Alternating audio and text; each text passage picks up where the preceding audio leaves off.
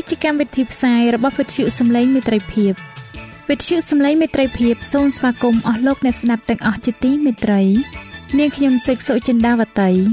ហើយខ្ញុំបាទអង្ចាន់វិជ្ជៈក៏សូមស្វាគមន៍លោកអ្នកស្ដាប់ទាំងអស់ផងដែរនៅពេលនេះយើងខ្ញុំមានសេចក្តីសុំមនស្សរីករាយដោយបានវិលមកជួបអស់លោកអ្នកនាងកញ្ញាអ្នកស្ដាប់សាជាថ្មីម្ដងទៀត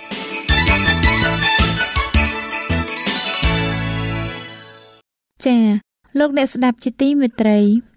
នាងខ្ញុំសូមគោរពអញ្ជើញអស់លោកលោកស្រីអ្នកនាងកញ្ញាតាមដានស្ដាប់កម្មវិធីផ្សាយរបស់វិទ្យុយើងខ្ញុំដូចតទៅ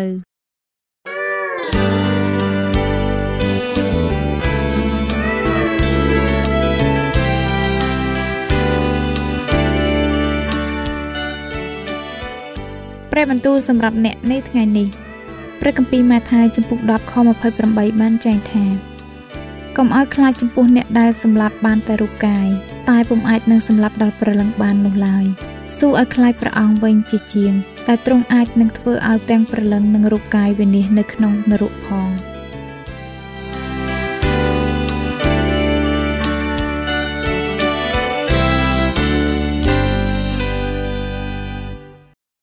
ជំរាបសួរអស់លោកអ្នកទាំងអស់គ្នាដែលកំពុងតែតាមដានស្ដាប់នីតិសភាស្គូលប្រចាំសប្ដាហ៍ជាទីមេត្រី មេរៀនសម្រាប់សប្តាហ៍នេះមានចំណងជើងថាចូលមកឯខ្ញុំប្រសិនបើលោកអ្នកចង់បានមេរៀននេះប្រើប្រាស់នៅលើទូរស័ព្ទដៃ Android របស់លោកអ្នកលោកអ្នកអាចទាញយកតាមរយៈ Play Store អស់លោកអ្នកជាទីមេត្រីតើអ្នកនៅចាំទេ ពីពេលវេលាដែលអ្នកដើរជាមួយនឹងព្រះយេស៊ូវ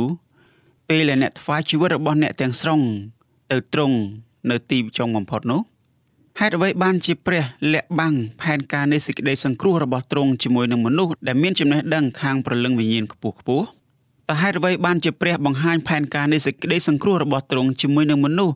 ដើរខាងព្រលឹងវិញ្ញាណជាមួយនឹងព្រះដូចជាទារុតើយើងអាចជួយដល់អ្នកដតីនៅជុំវិញយើងដែលកំពុងតែព្យាយាមទ្រាំទ្រនឹងបញ្ហា និងបន្ទុកធ្ងន់ធ្ងររបស់ពួកគេយ៉ាងណាដែរតើយើងអាចជួយដល់មនុស្សទាំងនេះឲ្យចូលមកឯព្រះយេស៊ូវ ហើយបានសម្រាកដោយរបៀបណាតើឈើឆ្កាងអាចជួយឲ្យយើងយល់អំពីអត្តន័យដ៏ពិតរបស់ព្រះយេស៊ូវយ៉ាងដូចម្តេចដែរហេតុអ្វីបានជាយើងគួរតែមានវិញ្ញាណនៃភាពស្លូតបូតនិងចិត្តសុភាពប៉ុណ្ណោះខណៈពេលដែលយើងកំពុងតែឈរនៅគៀកនឹងឈើឆ្កាងរបស់ព្រះគ្រីស្ទអស់លោកអ្នកជាទីមេត្រីគម្ពីរម៉ាថាយជំពូក11ខ28គឺជាសេចក្តីសន្យាដ៏អស្ចារ្យមួយមកពីព្រះយេស៊ូវ យើងទាំងអស់គ្នាសុទ្ធតែអស់កម្លាំងមែនទេ យើងទាំងអស់គ្នាមានបន្ទុកធ្ងន់ណាស់ការងារគឺជាបន្ទុកដ៏ធ្ងន់នៃជីវិតព្រះយេស៊ូវប្រាប់យើងថាទ្រង់ជ្រាបពីការហេវហត់របស់យើងព្រះអង្គអាចជួយយើងឲ្យបានសម្រាកប្រសិនបើយើងអនុញ្ញាតឲ្យទ្រង់ចូលមកជួយនោះព្រះយេស៊ូវចង់ឲ្យយើងទទួលនឹមពីទ្រង់បន្ទាប់មកព្រះអង្គមានបន្ទូលថា នឹមខ្ញុំងាយទេ ហើយបន្ទុកខ្ញុំក៏ស្រាលដែរតើព្រះយេស៊ូវមានន័យយ៉ាងដូចម្ដេចព្រះអង្គអញ្ជើញយើងឲ្យឈប់ទទួលបន្ទុកនោះដោយខ្លួនឯងទៅព្រះអង្គចង់ឲ្យយើងថ្វាយបន្ទុករបស់យើងទៅឯទ្រង់វិញព្រះអង្គចង់ឲ្យយើងទទួលយកបន្ទុករបស់ទ្រង់ហើយបន្ទុករបស់ទ្រង់នោះងាយស្រួលនឹងទ្រទ្រង់ទេព្រះយេស៊ូវធ្វើសេចក្តីសន្យានេះជាមួយនឹងយើងនៅពេលនេះ ប៉ុន្តែយើងរស់នៅលើផែនដីដែលពោពេញទៅដោយអំពើបាបដូច្នេះតើសេចក្តីសន្យា ពីការសម្រាកនេះកើតឡើងយ៉ាងណា ជាពិសេស បន្ទាប់ពីលោកអាដាម និងនាងអេវ៉ាបានធ្វើបាបនោះព្រះបានមានបន្ទូលទៅកាន់ពួកគេថាឯងនឹងបានអាហារស៊ីដោយបែកញើសដោយដែលមានចែងនៅក្នុងព្រះគម្ពីរលោកុបាទចំពុក3ខ19ព្រះទ្រង់ចង់មានបន្ទូលថា កិច្ចការរបស់យើងនឹងធ្ងន់ធ្ងរសម្រាប់ការល្អរបស់យើង យើងទាំងអស់គ្នាដឹងពីអារម្មណ៍នៃការធ្វើការធ្ងន់ធ្ងរនិងការផ្ទុកបន្ទុកដ៏ធ្ងន់នេះជួនកាលបន្ទុកទាំងនេះដូចជាធំពេកណាស់សម្រាប់យើងក្នុងការទ្រទ្រង់តែម្នាក់ឯងគម្ពីរម៉ាថាយជំពូក11ខ20ដល់ខ28បានចែងថា នោះទ្រង់ចាប់តាំងបន្ទោសដល់អស់ទាំងក្រុង ជាកន្លែងដែលទ្រង់បានធ្វើការរឹតបារមីជាច្រើន ពីព្រោះគេមិនបានប្រែចិត្តសោះទ្រង់មានព្រះបន្ទូលថា វេទនាដល់ឯងខូរ៉ាស៊ីនអើយវេទនាដល់ឯងបេតសាយដាអើយពីព្រោះឯការរឹតបារមី ដែលបានធ្វើកណ្ដាលឯងបើបានធ្វើនៅកណ្ដាលក្រុងទីរុសនិងស៊ីដូនវិញ នោះគេនឹងបានប្រែចិត្តជាយូរមកហើយ តាំងស្លៀកសម្ពុតឆ្មៃ ហើយប្រលាំងដោយផេះផងប៉ុន្តែខ្ញុំប្រាប់អ្នករាល់គ្នាថា នៅថ្ងៃជំនុំជម្រះទីក្រុងទីរុសនិងក្រុងស៊ីដូននឹងទ្រាំបានងាយជាជាងឯងរាល់គ្នា ហើយឯងការពន្នឹមអើយដែលឯងបានដំកើងឡើងស្មើនឹងស្ថានសួគ៌ហើយឯងនឹងត្រូវទម្លាក់ចុះទៅដល់ឋានឃុំប្រលឹងមនុស្សស្លាប់វិញ ពីព្រោះឯការរឹតបារមី ដែលបានធ្វើនៅកណ្ដាលឯង បើបានធ្វើនៅក្រុងសូដុំវិញ នោះក្រុងគេនឹងបានស្ថិតស្ថេរនៅជាតិដរាបដល់សពថ្ងៃនេះដូច្នេះខ្ញុំប្រាប់អ្នករាល់គ្នាថា នៅថ្ងៃជំនុំជម្រះនោះក្រុងសូដុំនឹងទ្រាំបានងាយជាជាងឯងនៅវេលានោះ ព្រះយេស៊ូវទ្រង់មានបន្ទូលថាអោព្រះវរបិតាជាព្រះអម្ចាស់នៃស្ថានសួគ៌និងផែនដីអើយទូលបង្គំសរសើរដល់ទ្រង់ ដោយព្រោះទ្រង់លាក់សេចក្តីទាំងនេះនឹងពួកអ្នកប្រាជ្ញហើយនឹងពួកឆ្លៀសវៃតែបានសម្ដែងឲ្យពួកកូនក្មេងយល់វិញនឹងហើយព្រះវរបិតាអើយត្បិតទ្រង់បានសពព្រះハរតីយ៉ាងដូច្នោះគ្រប់សេចក្តីទាំងអស់បានប្រគល់មកខ្ញុំពីព្រះវរបិតានៃខ្ញុំហើយគ្មានអ្នកណាស្គាល់ព្រះរាជបុត្រាទេ មានតែព្រះវរបិតាតែមួយក៏គ្មានអ្នកណាស្គាល់ព្រះវរបិតាដែរមានតែព្រះរាជបុត្រា ហើយនឹងអ្នកណា ដែលព្រះរាជបុត្រាសពព្រះハរតីចង់បើកឲ្យស្គាល់ទ្រង់ផងប៉ុណ្ណោះអស់អ្នកដែលនឿយព្រួយហើយផ្ទុកធ្ងន់អើយចូលមកឯខ្ញុំខ្ញុំនឹងឲ្យអ្នករាល់គ្នាឈប់សម្រាកអរលោកអ្នកជាទីមេត្រីតើព្រះយេស៊ូវប្រទានការសម្រាកនេះដល់យើងយ៉ាងដូចម្ដេចព្រះយេស៊ូវមិនមែនមានបន្ទូលអ្វីដែលមិនមានហេតុផលល្អនោះឡើយប្រសិនបើយើងចង់យល់ព្រះបន្ទូលរបស់ព្រះយេស៊ូវនៅក្នុងព្រះគម្ពីរម៉ាថាយ ចំពុក11ខ28យើងត្រូវក្រឡេកទៅមើលខទាំងឡាយដែលសរសេរនៅមុខខទាំងនោះ ការនេះនឹងជួយយើងមិនឲ្យយល់ច្រឡំអំពីព្រះយេស៊ូវឡើយលោកម៉ាថាយបង្ហាញយើងពីច្រវាក់នៅក្នុងជំពូកទី11នៅក្នុងរឿងរបស់គាត់អំពីព្រះយេស៊ូវមានបន្ទូលថាចូលមក ជាពាក្យយ៉ាងតឹងរឹង អំពីទីក្រុងទាំងឡាយនៅក្នុងស្រុកកាលីលេ ព្រះយេស៊ូវមិនយល់ស្របជាមួយនឹងអកប្បកិរិយារបស់មនុស្សដែលរស់នៅទីនោះទេតើលោកអ្នកឃើញទេថាព្រះយេស៊ូវមិនបានប្រាប់ដល់មនុស្សនៅអ្វីដែលពួកគេចង់ឮដើម្បីឲ្យពួកគេចូលចិត្តត្រង់នោះទេព្រះយេស៊ូវមានបន្ទូលប្រាប់មនុស្សនៅអ្វីដែលពួកគេត្រូវការឮជាចាំបាច់បំផុតប៉ុន្តែការនេះធ្វើឲ្យព្រះយេស៊ូវមិនសូវមានប្រជាប្រិយឡើយលើសពីនោះទៅទៀតព្រះយេស៊ូវគឺជាមិត្តភក្តិជាមួយនឹងមនុស្សដែលប្រព្រឹត្តខុស ដូចជាមានចែងនៅក្នុងព្រះគម្ពីរម៉ាថាយជំពូក9ខ9ដល់ខ13ព្រះយេស៊ូវមានបន្ទូលធ្ងន់ធ្ងរដល់មនុស្សព្រះអង្គប្រៀបធៀបមនុស្សទៅនឹងទីក្រុងសូដុំពាក្យនេះមិនមែនជាការសរសើរទេ ទីក្រុងសូដុំគឺជាទីក្រុងដ៏សែនអាក្រក់ព្រះយេស៊ូវប្រមានថាប៉ុន្តែខ្ញុំប្រាប់អ្នករាល់គ្នាថា នៅថ្ងៃជំនុំជម្រះ នោះអ្នករាល់គ្នានឹងទទួលទណ្ឌកម្មធ្ងន់ជាងមនុស្សមកពីទីក្រុងសូដុំគម្ពីរម៉ាថាយជំពូក11ខ24មនុស្សចាប់ផ្ដើមអន់ចិត្តនិងខឹងជាមួយនឹងព្រះយេស៊ូវប៉ុន្តែភ្លាមនោះព្រះយេស៊ូវផ្លាស់ប្ដូរប្រធានបទព្រះអង្គប្រទានការសម្រាកពិតប្រាកដដល់មនុស្សព្រះអង្គអាចប្រទានការសម្រាកនេះពីព្រោះព្រះវរបិតាខ្ញុំ បានប្រទាននៅអ្វីអ្វីទាំងអស់ដល់ខ្ញុំគ្មានអ្នកណាស្គាល់ព្រះរាជបុត្រាទេ មានតែព្រះវរបិតាប៉ុណ្ណោះដែលស្គាល់ព្រះរាជបុត្រាគ្មានអ្នកណាស្គាល់ព្រះវរបិតាទេ មានតែព្រះរាជបុត្រាប៉ុណ្ណោះដែលស្គាល់ព្រះវរបិតា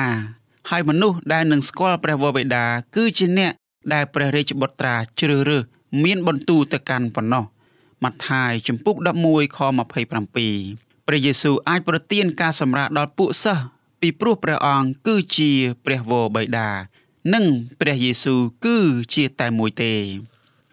តើយើងត្រូវការធ្វើអ្វីដំបូងសិនមុននឹងយើងអាចទម្លាក់បន្ទុកដ៏ធ្ងន់របស់យើងចុះដំបូងយើងត្រូវតែយល់ថា យើងមិនអាចទ្រាំទ្រនឹងបន្ទុករបស់យើង តែម្នាក់ឯងបានទេគម្ពីរម៉ាថាយជំពូក11ខ28ព្រះយេស៊ូវចាប់ផ្ដើមអំពាវនាវដល់មនុស្សដោយពាក្យថាចូលមក នៅក្នុងភាសាក្រិកពាក្យនេះគឺជាការបង្គាប់បញ្ជា យើងត្រូវតែគោរពតាមបង្គាប់បញ្ជានេះប្រប្រសិនបើយើងចង់រកឃើញនៅការសម្រាកពាក្យថាចូលមកក៏បង្ហាញយើងថា យើងត្រូវតែអនុញ្ញាតឲ្យព្រះយេស៊ូវគ្រប់គ្រងជីវិតរបស់យើងផងដែរដូច្នេះយើងត្រូវតែថ្វាយជីវិតរបស់យើងទៅទ្រង់ទាំងស្រុងព្រះគម្ពីរម៉ាថាយជំពូក11ខ28ព្រះយេស៊ូវប្រាប់យើងឲ្យចូលទៅឯព្រះអង្គដូចដែលយើងបានក្រឡេកមើលបន្តិចរួចមកហើយអំពីកិរិយាសព្ទ ថាចូលមក នេះគឺជាការបង្គាប់បញ្ជា បន្ទាប់មកព្រះយេស៊ូវប្រទានការបង្គាប់បញ្ជាពីរទៀតដល់យើងនៅក្នុងគម្ពីរម៉ាថាយជំពូក11ខ29ការបង្គាប់បញ្ជាទាំងពីរនោះគឺ ទី1ចូលទទួលយក និងទី2ចូលរៀនកិរិយាសព្ទទាំងពីរនេះជួយដល់អ្នកអានឲ្យបែរចំណាប់អារម្មណ៍ទៅឯព្រះយេស៊ូវតើព្រះយេស៊ូវចង់ឲ្យយើងធ្វើអ្វី ព្រះយេស៊ូវបង្គាប់យើងឲ្យទទួលយកការបង្រៀនរបស់ទ្រង់ហើយរៀនពីទ្រង់ចុះការបង្គាប់ទី1គឺជាកិរិយាសព្ទជាពាក្យថាចូលទទួលយក ពាក្យនេះបង្ហាញយើងអំពីអ្វីមួយដែលសំខាន់អំពីព្រះយេស៊ូវដែលជាព្រះរាជបុត្រា និងព្រះវរបិតាយើងបានដឹងរួចមកហើយថាព្រះវរបិតានិងព្រះយេស៊ូវគឺជាអង្គតែមួយទេ នៅក្នុងព្រះハរតីនិងព្រះតម្រេះ គម្ពីរម៉ាថាយជំពូក11ខ25ដល់27ខទាំងនេះបង្ហាញយើងថាព្រះវរបិតានិងព្រះយេស៊ូវមានទំនាក់ទំនងជាមួយគ្នាយ៉ាងជិតស្និទ្ធព្រះវរបិតានិងព្រះរាជបុត្រាធ្វើការជាមួយគ្នាយ៉ាងជិតស្និទ្ធដើម្បីសង្គ្រោះមនុស្សលោកកិច្ចការរបស់យើងគឺថ្វាយជីវិតរបស់យើងទាំងស្រុងទៅព្រះអង្គសង្គ្រោះទាំងពីរអង្គ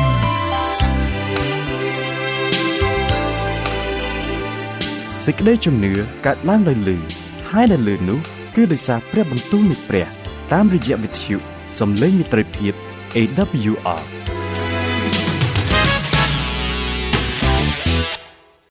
អរលោកអ្នកជាទីមេត្រីព្រះប្រទានកិច្ចការមួយទៀតឲ្យយើងធ្វើដែរព្រះអង្គចង់ឲ្យយើងក្លាយជាព្រះពរដល់មនុស្សដទៃនៅជុំវិញយើង នៅពេលយើងទទួលការងារដែលព្រះប្រទានឲ្យយើងធ្វើ យើងបង្ហាញថា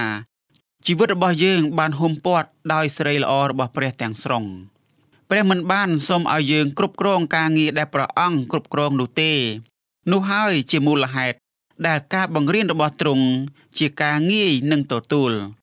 ហើយការងារឬបន្ទុកដែលព្រះអង្គសូមឲ្យយើងទទួលនោះមិនពិបាកទេគម្ពីរម៉ាថាយជំពូក11ខ30រីឯបង្គាប់ទី2គឺកិរិយាសព្ទដែលជាពាក្យថាចូលរៀនពីខ្ញុំ ពាក្យនេះបង្ហាញយើងថែមទៀតអំពីកិច្ចការដែលព្រះយេស៊ូវរំពឹងចង់ឲ្យពួកសិស្សរបស់ទ្រង់ធ្វើនៅក្នុងភាសាក្រិកកិរិយាសព្ទរៀនភ្ជាប់ទំនាក់ទំនងទៅនឹងពាក្យសិស្សនៅពេលយើងរៀនអំពីព្រះយេស៊ូវយើងគឺជាសិស្សរបស់ទ្រង់ហើយយើងស្ដាប់បង្គាប់ព្រះអង្គហើយស្មោះត្រង់នឹងការបង្រៀនរបស់ទ្រង់ជានិច្ចនៅក្នុងព្រះគម្ពីរខ្លះពាក្យថាចូលទទួលយកការបង្រៀនរបស់ខ្ញុំ ត្រូវបានគេសរសេរថា ចូលទទួលនឹមខ្ញុំម៉ាថាយជំពូក11ខ29នឹមគឺជាឈើមួយដែលវែងដែលគេដាក់នៅលើសត្វពីរដើម្បីឲ្យពួកវាអូសបន្ទុកជាមួយគ្នាព្រះយេស៊ូវប្រើពាក្យនឹមនេះជារូបស័ព្ទនៅសម័យព្រះយេស៊ូវនឹមក៏ជារូបស័ព្ទតំណាងឲ្យច្បាប់ផងដែរដូច្នេះនៅពេលដែលយើងទទួលយកការបង្រៀនរបស់ព្រះយេស៊ូវ យើងក៏ដូចជាគោដែលពាក់នឹមនៅនឹងកផងដែរព្រះយេស៊ូវចង់ឲ្យយើងទទួលយកនឹមរបស់ព្រះអង្គហើយពាក់វាតើព្រះយេស៊ូវកំពុងតែចង់ឲ្យយើងធ្វើអ្វីពិតប្រាកដគឺព្រះអង្គចង់ឲ្យយើងស្ដាប់បង្គាប់ការបង្រៀនរបស់ទ្រង់ម៉ាថាយជំពូក11ខ29នៅក្នុងព្រះគម្ពីរកូរិនថូសទី2ជំពូក10ខ1លោកប៉ុលបានមានប្រសាសន៍អំពីព្រះគ្រីស្ទ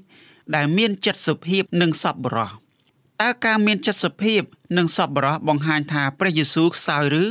ទេព្រះយេស៊ូវមិនចង់ព្យាយាមឆ្លោះប្រកែកជាមួយអ្នកណាឡើយព្រះអង្គតែងតែជៀសវាងចំនួនពីព្រោះព្រះអង្គមិនចង់ឲ្យមានអ្វីចូលមកក្នុងផ្លូវនៃការងារបម្រើព្រះរបស់ព្រះអង្គនោះទេជួនកាលមនុស្សនៅតែចង់ឆ្លោះប្រកែកជាមួយនឹងព្រះយេស៊ូវដដែលពេលនោះព្រះយេស៊ូវមានចិត្តក្លាហានព្រះអង្គបានឆ្លើយទៅមនុស្សដោយក្លាហាននៅពេលជាមួយគ្នានេះ ព្រះយេស៊ូវក៏ប្រើព្រះតីសប្បុរសផងដែរតើអ្នកចាំទេ នៅពេលព្រះយេស៊ូវបានស្រែកអំពីទីក្រុងយេរូសាឡិមមុនពេលដែលព្រះអង្គបានយាងទៅកាន់ឈើឆ្កាងដើម្បីសុគតនៅពេលនោះព្រះយេស៊ូវមិនបានស្រែកកំហកឬដាក់បណ្ដាសាលើអ្នកណាឡើយព្រះយេស៊ូវបានប្រាប់ពួកបណ្ដាជនអំពីរឿងរ៉ាវអាក្រក់អាក្រក់ដែលពួកគេនឹងទទួលរងនៅពេលអនាគត ប៉ុន្តែព្រះយេស៊ូវមានបន្ទូលពាក្យទាំងនេះជាមួយនឹងទឹកភ្នែកនៅក្នុងព្រះសូរសៀងរបស់ទ្រង់អ្នកសរសេរព្រះគម្ពីរសញ្ញាថ្មី តែងតែបង្ហាញថាព្រះយេស៊ូវជាលោកម៉ូសេទី2ព្រះយេស៊ូវមានបន្ទូលពីលើភ្នំ ដូចជាលោកម៉ូសេបាននិយាយដែរដូចជាលោកម៉ូសេបានធ្វើដែរព្រះយេស៊ូវមានបន្ទូលប្រាប់ពួកបណ្ដាជន អំពីគោលការណ៍សំខាន់សំខាន់នៃនគរឋានសួគ៌របស់ព្រះ ម៉ាថាយជំពូក5ខ1ព្រះយេស៊ូវធ្វើការអស្ចារ្យផ្សេងផ្សេងដូចជាបានកើតឡើងដល់លោកម៉ូសេនៅវិរហោស្ថានដែរព្រះយេស៊ូវចំអែតមនុស្សជាច្រើនដោយចំណីអាហារគម្ពីរម៉ាថាយជំពូក14ខ13ដល់ខ21គម្ពីរជនគណនាជំពូក12ខ3ចែងថាឥឡូវនេះ លោកម៉ូសេគឺជាម្នាក់ដែលគ្មានអំនួតព្រះយេស៊ូវមានបន្ទូលដូចគ្នានេះ អំពីព្រះអង្គឯងនៅក្នុងគម្ពីរម៉ាថាយជំពូក11ខ9នៅពេលព្រះយេស៊ូវចំអែតមនុស្ស5000នាក់ពួកបណ្ដាជនបានភ្ញាក់ផ្អើលនិងរំភើបដោយការអស្ចារ្យរបស់ទ្រង់កាលមនុស្សទាំងប៉ុន្មានបានឃើញការអស្ចារ្យនោះ ពួកគេគ្រាន់តែនិយាយគ្នាថា លោកនេះប្រកាសជាហោរានោះដែលនឹងត្រូវមកក្នុងលោកីមែនគម្ពីរយូហាន ជំពូក6ខ14 ពាក្យពេចន៍របស់ពួកបណ្ដាជន ជួយយើងឲ្យនឹកឃើញពីអ្វីដែលលោកម៉ូសេបានសរសេរនៅក្នុងគម្ពីរចោលតយកថាជំពូក18ខ15និងការងាររបស់លោកជាអ្នកនាំសារពិសេសមកពីព្រះតើអ្នកណាសុភាពជាងព្រះយេស៊ូវឬលោកម៉ូសេតើចិត្តរបស់អ្នកណាមានអំណួតតិចជាងព្រះតីរបស់ព្រះយេស៊ូវឬតិចជាង លោកម៉ូសេប្រកាសណាស់ព្រះយេស៊ូវគ្រីស្ទគឺជាព្រះអង្គសង្គ្រោះរបស់យើង ដែលបានយាងចុះមកពីស្ថានសួគ៌ហើយលោកម៉ូសេបានលះបង់ខ្លួនឯងដើម្បីសង្គ្រោះពួកបណ្ដាជនប៉ុន្តែការស្លាប់របស់លោកម៉ូសេមិនបានធ្វើល្អអ្វីដល់ប្រជាជនរបស់គាត់ឡើយលោកម៉ូសេខ្លួនឯងគឺជាបាបជនគាត់ក៏ត្រូវការព្រះអង្គសង្គ្រោះមួយអង្គដែរគាត់ត្រូវការនរណាម្នាក់ដើម្បីបង់ថ្លៃជំនួសអំពើបាបរបស់គាត់យើងអាចរៀនអំពីលោកម៉ូសេអំពីរឿងរ៉ាវនៃជីវិតរបស់គាត់ ប៉ុន្តែលោកម៉ូសេមិនអាចជួយសង្គ្រោះយើងបានទេ យើងត្រូវការព្រះអង្គសង្គ្រោះ ដែលអាចឈរជំនួសកន្លែងយើង យើងត្រូវការអ្នកជំនួសម្នាក់ដែលអាចជំនួសកន្លែងរបស់យើង នៅលើឈើឆ្កាង មានតែព្រះទេ ដែលអាចជួយសង្គ្រោះយើងព្រះអង្គជាព្រះតែមួយអង្គគត់ដែលបានជាប់នៅលើឈើឆ្កាងជំនួសយើងហើយចេញថ្លៃលួសជំនួសអំពើបាបរបស់យើងផងព្រះយេស៊ូវចង់ឲ្យយើងទទួលយកការបង្រៀនរបស់ទ្រង់ ដោយយើងបានឃើញចេញពីការសិក្សារបស់យើងរួចមកហើយព្រះគម្ពីរខ្លះសរសេរឃ្លាថាចូលទទួលយកការបង្រៀនរបស់ខ្ញុំនេះ ថាចូលទទួលយកនឹមខ្ញុំអ្នកនៅចងចាំថានឹមគឺជាឈើមួយកង់ដែលវែងដែលគេពាក់នៅលើសត្វពីហណៈចំនួន2ដើម្បីឲ្យវាអូសបន្ទុកជាមួយគ្នា យើងបានសិក្សាថាព្រះយេស៊ូវប្រើពាក្យនឹមនេះគឺជារូបស័ព្ទតែប៉ុណ្ណោះ នៅសម័យរបស់ទ្រង់នឹមគឺជារូបស័ព្ទតំណាងឲ្យច្បាប់នៅក្នុងគម្ពីរម៉ាថាយជំពូក11ខ29ព្រះយេស៊ូវប្រើពាក្យនឹមជារូបស័ព្ទដើម្បីបង្ហាញថាសាសយូដានៅក្នុងសម័យរបស់ទ្រង់មានការយល់ខុសអំពីច្បាប់ ពួកគេគិតថា ពួកគេអាចបានសង្គ្រោះដោយការគោរពច្បាប់ដូច្នេះពួកគេខិតខំប្រឹងប្រែងជាខ្លាំងដើម្បីឲ្យបានគ្រប់លក្ខនេះហើយគឺជាមូលហេតុដែលច្បាប់ គឺជានឹម ឬជាបន្ទុកដ៏ធ្ងន់សម្រាប់ពួកគេទ្រាំទ្រទៅវិញពាក្យថាងាយស្រួលនៅក្នុងព្រះគម្ពីរម៉ាថាយជំពូក11ខ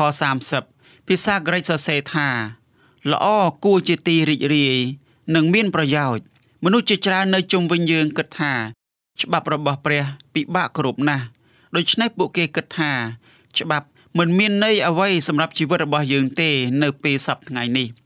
តើធ្វើដូចម្ដេចទើបយើងអាចជួយពួកគេឲ្យរកឃើញថាច្បាប់ពិតជាល្អមែនក្នុងព្រះគម្ពីរកាឡាទីជំពូក5ខ1លោកប៉ុលសរសេរថា យើងមានសេរីភាពឥឡូវនេះ ដោយសារព្រះគ្រីស្ទបានរំដោះយើងហើយដូច្នេះចូលឈរឲ្យរឹងមាំកុំឲ្យផ្លាស់ប្ដូរឬត្រឡប់ទៅជាទាសករនៃក្រឹតវិន័យវិញឡើយតើផ្នែកអំពីកុំត្រឡប់ចូលទៅក្នុងទាសករនៃក្រឹតវិន័យមានន័យដូចម្ដេចតើពាក្យថា ព្រះយេស៊ូវបានរំដោះយើងមានន័យដូចម្តេចដែរព្រះយេស៊ូវចង់ឲ្យយើងទទួលយកនឹមរបស់ទ្រង់ហើយពាក់វានៅនឹងស្មាគម្ពីរម៉ាថាយជំពូក11ខ29យើងអាចប្រកាសថាអ្វីដែលលោកប៉ុលមានន័យនៅពេលដែលគាត់មានប្រសាសន៍ថាទាសករនៃក្រឹតវិន័យនោះគាត់មិនមែនកំពុងនិយាយអំពីការស្ដាប់បង្គាប់របស់យើងដល់ក្រឹតវិន័យ10ប្រការនោះទេប្រកាសជាមិនមែនទេ យើងអាចមានការសម្រេចពិតប្រកបនិងមានសេរីភាព មានតែនៅពេលដែលយើងគោរពតាមច្បាប់របស់ព្រះតែប៉ុណ្ណោះការស្ដាប់បង្គាប់របស់យើងអាចកើតឡើងទៅបានដោយសារតែសេចក្តីជំនឿរបស់យើងគម្ពីរម៉ាថាយជំពូក11ខ30ព្រះយេស៊ូវប្រើរូបស័ព្ទបន្ទុកខ្ញុំក៏ស្រាលដែរព្រះយេស៊ូវចង់ឲ្យយើងឃើញថាការបម្រើដល់ទ្រង់និងការទទួលយកការបង្រៀនរបស់ទ្រង់គឺងាយស្រួលទេ ការទាំងពីរនេះងាយស្រួលបើប្រៀបធៀបទៅនឹងការសង្គ្រោះខ្លួនឯងដោយអកប្បកិរិយាល្អរបស់យើងនោះគម្ពីរនេខាម៉ាណាំងជំពូក18ខ13ចែងថាបណ្ដាជនបានចូលមកឯលោកម៉ូសេពេញមួយថ្ងៃពួកបណ្ដាជនបាននាំយកបញ្ហាមកឲ្យលោកម៉ូសេដោះស្រាយតើលោកយេត្រូឃើញថាការងារដ៏ធ្ងន់នេះមិនយូរទេនឹងធ្វើឲ្យលោកម៉ូសេទ្រុឌទ្រោមជាមិនខាន លោកយេត្រូសូមឲ្យលោកម៉ូសេជ្រើសរើសមនុស្សដែលមានជំនាញធ្វើការជាជំនួយការដល់លោក មនុស្សទាំងនេះ អាចដោះស្រាយបញ្ហាងាយងាយហើយលោកម៉ូសេដោះស្រាយបញ្ហាដែលពិបាកពិបាកម៉ូសេស្ដាប់តាមឪពុកក្មេករបស់គាត់លោកយេត្រូជួយដល់លោកម៉ូសេក្នុងការផ្លាស់ប្ដូរដើម្បីជួយសង្គ្រោះជីវិតរបស់គាត់យើងត្រូវតែរៀនមេរៀនដូចគ្នាដែលលោកម៉ូសេបានរៀន យើងត្រូវតែចែករំលែកការងារនិងបន្ទុករបស់យើងជាមួយនឹងមនុស្សផ្សេងផ្សេងនេះគឺជាមូលហេតុដែលព្រះយេស៊ូវប្រាប់យើងថា បន្ទុករបស់ទ្រង់ស្រាលទេព្រះយេស៊ូវប្រាប់យើងថា បន្ទុកទ្រង់មិនធ្ងន់ទេព្រះអង្គចង់ឲ្យយើងចងចាំថាព្រះអង្គជាអ្នកទ្រាំទ្របញ្ហារបស់យើងដ៏ល្អបំផុតលោកប៉ុលជួយឲ្យយើងមើលឃើញសេចក្តីពិតនៃព្រះគម្ពីរដូចគ្នានេះនៅក្នុងគម្ពីរកូរិនថូសទី1ជំពូក12 ខ12ដល់ខ26លោកប៉ុលបានសរសេរអំពីរាងកាយរបស់ព្រះគ្រីស្ទរូបស័ព្ទនេះបង្ហាញយើងអំពីអត្ថន័យនៃការជួយគ្នាទៅវិញទៅមក ដើម្បីទ្រទ្រង់បញ្ហានិងបន្ទុករបស់យើងនេះឯងដើម្បីទ្រទ្រង់ទម្ងន់ណាមួយ យើងត្រូវតែមានសុខភាពល្អយើងត្រូវតែមានដៃមានជើង ស្មានិងសាច់ដុំមាំមួនដើម្បីសម្រេចការនោះបានអស់លោកអ្នកជាទីមេត្រី នៅក្នុងសិភៅសេចក្តីជំនឿនឹងការងារអ្នកស្រី Ellen G. White បានលើកឡើងថាយើងមិនអាចធ្វើអ្វីដើម្បីឲ្យបានគប់ព្រះハរតីព្រះបានទេ គឺមិនអាចធ្វើអ្វីតលតែសោះយើងមិនត្រូវទុកចិត្តលើខ្លួនឯងឬអកប្បកិរិយាល្អរបស់ខ្លួនដើម្បីជួយសង្គ្រោះខ្លួនឯងឡើយយើងចង់ធ្វើនៅអ្វីដែលខុសរឿងនេះកើតឡើងពីកំណើតមក ពីព្រោះយើងជាបាបជនដូច្នេះយើងត្រូវតែចូលមកឯព្រះយេស៊ូវ ពេលនោះយើងនឹងបានសម្រាកនៅក្នុងសេចក្តីស្រឡាញ់របស់ទ្រង់ព្រះនឹងទទួលយកមនុស្សគ្រប់គ្នាដែលចូលមកឯទ្រង់ហើយទុកចិត្តលើការល្អរបស់ព្រះ ពេលនោះសេចក្តីស្រឡាញ់នឹងបំពេញចិត្តរបស់យើង យើងនឹងមិនមានអារម្មណ៍រំភើបអាក្រក់ទៀតឡើយនៅពេលដែលព្រះទទួលយកយើងនោះប៉ុន្តែយើងមិនមានសេចក្តីសុខសាន្តនិងទុកចិត្តពេលនោះបន្ទុកធ្ងន់និងបញ្ហាដែលយើងមាន លែងមានភាពធ្ងន់ធ្ងរឲ្យយើងទ្រទ្រង់ទៀតហើយពីព្រោះការបម្រើរបស់យើងចំពោះព្រះយេស៊ូវងាយស្រួលទេ នៅពេលយើងបម្រើព្រះយេស៊ូវការងាររបស់យើងនឹងធ្វើឲ្យយើងរីករាយការងារដែលយើងត្រូវតែលះបង់សម្រាប់ព្រះនឹងពោពេញទៅដោយសេចក្តីអំណរផ្លូវដែលយើងបានដើរពីមុនមើលទៅងងឹតប៉ុន្តែឥឡូវនេះព្រះយេស៊ូវបញ្ចាំងពន្លឺរបស់ទ្រង់ចំពីមុខយើងផ្លូវដែលយើងធ្លាប់តែងងឹតត្រឡប់ជាផ្លូវដែលភ្លឺចែងចាំង ពេលនោះយើងនឹងដើរក្នុងពន្លឺដែលព្រះយេស៊ូវផ្ទាល់គង់នៅក្នុងពន្លឺនោះឯងអស់លោកអ្នកជាទីមេត្រីព្រះគម្ពីរម៉ាថាយជំពូក11ខ28ចែងថាអស់អ្នកដែលនឿយព្រួយ ហើយផ្ទុកធ្ងន់អើយចូលមកឯខ្ញុំខ្ញុំនឹងឲ្យអ្នករាល់គ្នាឈប់សម្រាកអស់លោកអ្នកជាទីមេត្រីសូមឲ្យអស់លោកអ្នកបានទទួលយកនៅការអំពាវនាវពីទ្រង់ឲ្យលោកអ្នកបានចូលទៅក្នុងសេចក្តីសម្រាកដោយស្ងប់ ដោយសេចក្តីសុខសាន្តដោយអំណរនិងដោយស្រីល្អមកពីព្រះជាម្ចាស់នៃយើងរាល់គ្នា សូមទ្រង់ប្រទានពរអាមែនបើសិ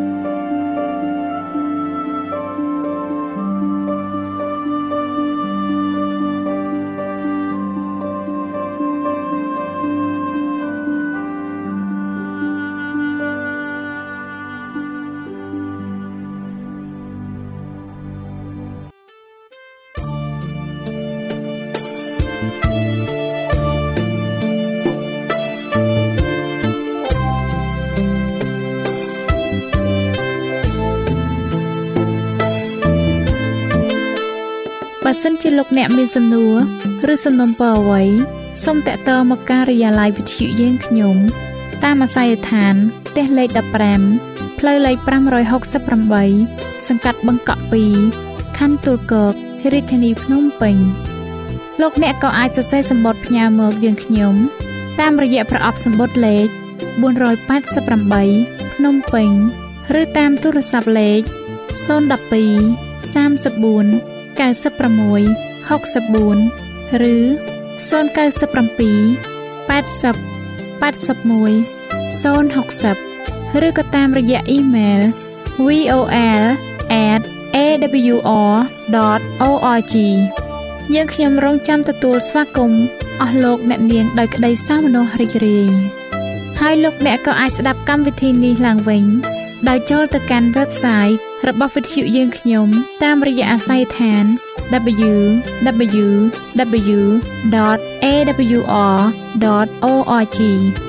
លោកអ្នកនាងកញ្ញាជាទីមេត្រី កម្មវិធីផ្សាយរបស់វិទ្យុសំឡេងមេត្រីភាពនៅពេលនេះសូមបញ្ចប់តែប៉ុណ្ណេះយើងខ្ញុំសូមអរគុណចំពោះការតាមដានស្ដាប់របស់អស់លោកអ្នកតាំងពីដើមរហូតដល់ចប់